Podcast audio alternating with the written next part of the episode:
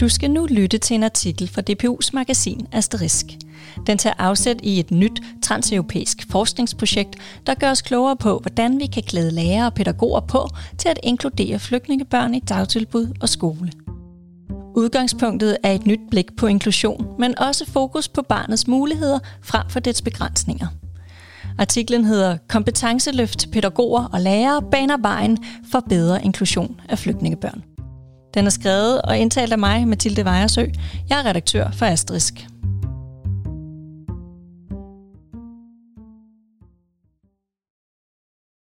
Der er siden krigen brød ud i Ukraine ankommet mange tusinde ukrainske flygtninge til Danmark. Og myndighederne forventer en fortsat flygtningestrøm og et samlet antal på op mod 100.000 flygtninge. Mange af dem er børn, og derfor ligger der en stor samfundsmæssig opgave i at få de ukrainske børn inkluderet i vores dagtilbud og skoler. Men er pædagoger og lærere rustet til opgaven? Det korte svar for både fagforeninger og praksis er nej. Men den opgave skal vi håndtere her og nu. Ellers vokser problemet sig alt for stort. Sådan lyder det fra Fabio Dovego fra DPU Aarhus Universitet. Han siger videre, hvis vi ikke aktivt tager hånd om det her videns- og kompetencehul, så vil vi for evigt være bagud på den her front. Og så bliver det på sigt en meget stor opgave. Omvendt, så er det bestemt en opgave, vi kan håndtere i Europa, med de rette værktøjer og en skærpet opmærksomhed på at skabe gode og trygge, inkluderende fællesskaber, som flygtningebørnene kan blive en naturlig del af. Sammen med sin kollega lektor Iram Kavaja og professor Venka Simovska fra DPU Aarhus Universitet, samt Susanne Breinbæk fra Københavns Professionshøjskole, står han bag det danske bidrag til ITIRE-projektet. Det står for Improving Teaching to Improve Refugee Education.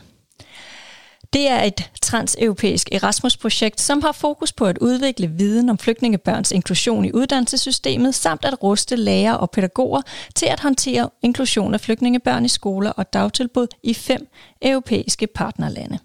Danmark, Norge, Østrig, Island og Storbritannien. Nu er projektet ved sin afslutning, og forskerne er klar med ny praksisorienteret viden, som de formidler via undervisningstilbud til blandt andet pædagoger og lærere i dagtilbud og skoler, der tager imod mange tusind ukrainske flygtningebørn i disse uger. Der er med de ukrainske flygtningebørn opstået et akut og voldsomt behov for kompetenceløft løft blandt pædagoger og lærere, siger Iam Kavaja. Hun fortsætter. Men problemet er ikke nyt for skoler og dagtilbud. Vi har haft en flygtningekrise siden 2015, hvor der kom mange syriske flygtninge til landet. Derfor har vi som forskere haft rigeligt stof at tage af fra før Ukrainekrigen. Det betyder også, at vi nu øh, kan tilbyde viden, der kan tilføre de nødvendige kompetencer til arbejdet med inklusion af flygtningebørnene. Undervisningen er udviklet på baggrund af eksisterende national og international forskning samt indsamlet viden fra samtlige fem partnerlande. Den praksisrettede viden om inklusion, flygtningebørn, modtagelse af dem, kan i princippet bruges i alle europæiske lande, fordi der ikke er tale om nogen fasttømret interventionsstrategi. Fabio Dovego forklarer nærmere. Vi kommer ikke bare med en opskrift, men derimod med nogle opmærksomhedspunkter, som pædagoger og lærere kan tage med ind i deres praksis og bruge, så det giver mening i deres hverdag, og som pædagog og lærerstuderende kan arbejde med på studiet og i deres praktik, og selvfølgelig i deres fremtidige praksis. Opmærksomhedspunkterne går for eksempel på at etablere en pædagogisk balance mellem på den ene side at have fokus på flygtningebørnenes potentielt voldsomme og traumatiske oplevelser, og på den anden side have øje for børnenes resiliens og ressourcer, for eksempel i form af sproglige, kulturelle og religiøse værdier og traditioner, forklarer Iam Kawai. Og hun tilføjer. Det handler også om at være opmærksom på de samfundsmæssige og strukturelle betingelser, som flygtningefamilierne lever under, og som peger på en tilværelse, som ofte er præget af usikkerhed, lavere socioøkonomiske vilkår og oplevet diskrimination.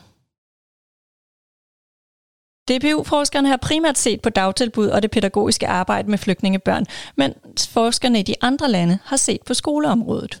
Al den viden, forskerne indsamler undervejs, læres i en vidensbank, hvor der blandt andet er en række case-studier med læringsindsigter. På den måde, siger Iam Kawai, kan vi dele den viden, vi indsamler med de andre forskere og praktikere fra projektet og trække på hinandens erfaringer og indsigter i udvikling af nye og forbedrede undervisningsforløb for professionelle, der arbejder med at inkludere flygtningebørn i skoler og dagtilbud. Forskerne har også udviklet et selvevalueringsværktøj, som kun er til intern brug i de enkelte institutioner, og som består af nogle spørgsmål til praktikerne, der går på, hvordan de arbejder med inklusion af flygtningebørnene. På den måde kan de selv følge med i, hvordan det for eksempel går med forældresamarbejdet, eller måden de griber flygtningebørnenes læring eller sprogudvikling an på. Det skal hjælpe lederne af de enkelte institutioner til at blive opmærksom på, hvor der er huller i inklusionsarbejdet. Man kan se det som et termometer, der tager temperaturen på inklusionsarbejdet, og som kun kan bruges internt til selvevaluering og refleksion, forklarer Fabio Dovego. Iam Kavaje gør opmærksom på, at det på sigt er en anderledes inklusionsopgave, end den de fleste lærere og pædagoger kender og udfordres af i forhold til inklusion af børn med forskellige typer af diagnoser. For flygtningebørnene er en af de største udfordringer sproget. Men når det er nogenlunde på plads, så handler det om at skabe nogle pædagogiske rammer, hvor det er muligt for dem at blive del af de etablerede fællesskaber i skole og dagtilbud. Børnene er resiliente, siger Iam Kavaje. Flygtningebørn forbliver ikke inklusionsbørn.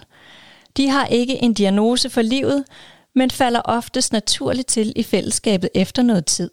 Sprog kan være en barriere, men mest i skolen. I vuggestue og børnehave arbejder pædagogerne med at udvikle alle børns sprog, så der er, det natu- er der et naturligt fokus på sprog. Når forskerne taler om inklusion, så gør de det inden for en ny forståelsesramme. Det er ikke det enkelte barn, der skal inkluderes i fællesskabet, men alle børn, der skal tilpasse sig fællesskabet. før Biodovego uddyber. De her børn er særlige, og vi har brug for en særlig intervention. Det fornægter vi ikke, men arbejdet med dem er ikke meget anderledes end måden, vi arbejder med andre børn på som har brug for ekstra omsorg. Faktisk har de allerfleste børn brug for at være i et trygt og forudsigeligt miljø, siger han, og understreger, at de som forskere har et holistisk, men også optimistisk blik på alle børn, og dermed også på flygtningebørn. Vi tager højde for, hvad barnet har med i bagagen, samt den kontekst, det indgår i, men også hvad dets muligheder er i den specifikke kontekst. Det er den tilgang, vi opererer med i undervisningstilbuddet, og som vi håber at give videre til de praktikere, der står med udfordringerne dagligt. Når det er sagt, så påpeger I om Kavaja, at flygtningebørnene kan have nogle voldsomme traumer, der skal behandles af psykologer eller hos kommunernes PPR-konsulenter, før inklusionsarbejdet for alvor kan gå i gang. Børnene kan også bære rundt på de såkaldte intergenerationelle traumer, som kan være svære for børnene at vriste sig fri af. Det er traumer, som deres forældre eller bedsteforældre bærer på på grund af grusomme oplevelser, f.eks. i et krigshavet land, øh, og som øh, er del af den familiære selvfortælling, og derfor også del af den luft, børnene indånder i hjemmet, forklarer Iam Kavaja. Forskerne er dog meget opmærksomme på ikke at gøre børnene til ofre for deres traumer, heller ikke familiernes. Også her arbejder de med børnenes mulighedsrum frem for deres begrænsninger. De skal ikke fastholdes i udsatte positioner, understreger Iam Kavaja og uddyber. Vi skal ikke alene fokusere på flygtningebørnenes traumer, men også på, hvad deres muligheder er, og på, hvordan vi kan skabe inkluderende fællesskaber, der støtter dem bedst muligt.